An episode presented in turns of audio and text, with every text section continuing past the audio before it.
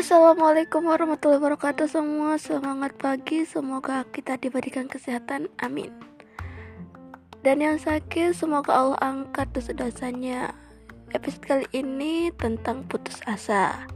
Kita semua pasti pernah merasakan Yang namanya putus asa Bukan? Apalagi kita sering putus asa Dengan omongan orang. Nah, untuk teman-teman kali ini aku mau berikan tips agar tidak mudah putus asa. Yuk simak podcast aku sampai selesai. Yang pertama, berani bermimpi dan mewujudkannya. Mimpi dan harapan hanyalah seperti sebuah dongeng yang tidak akan menjadi kenyataan. Bahkan meski belum melakukan usaha apa pun untuk mewujudkan dan cobalah untuk lebih berani bermimpi dan memiliki sejumlah keinginan. Sukses dalam diri sehingga Anda memiliki niat yang besar untuk mewujudkannya menjadi kenyataan. Yang kedua, Jangan pernah takut gagal.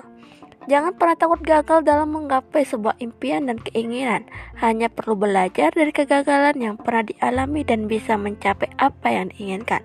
Nomor 3. Lebih menghormati diri sendiri.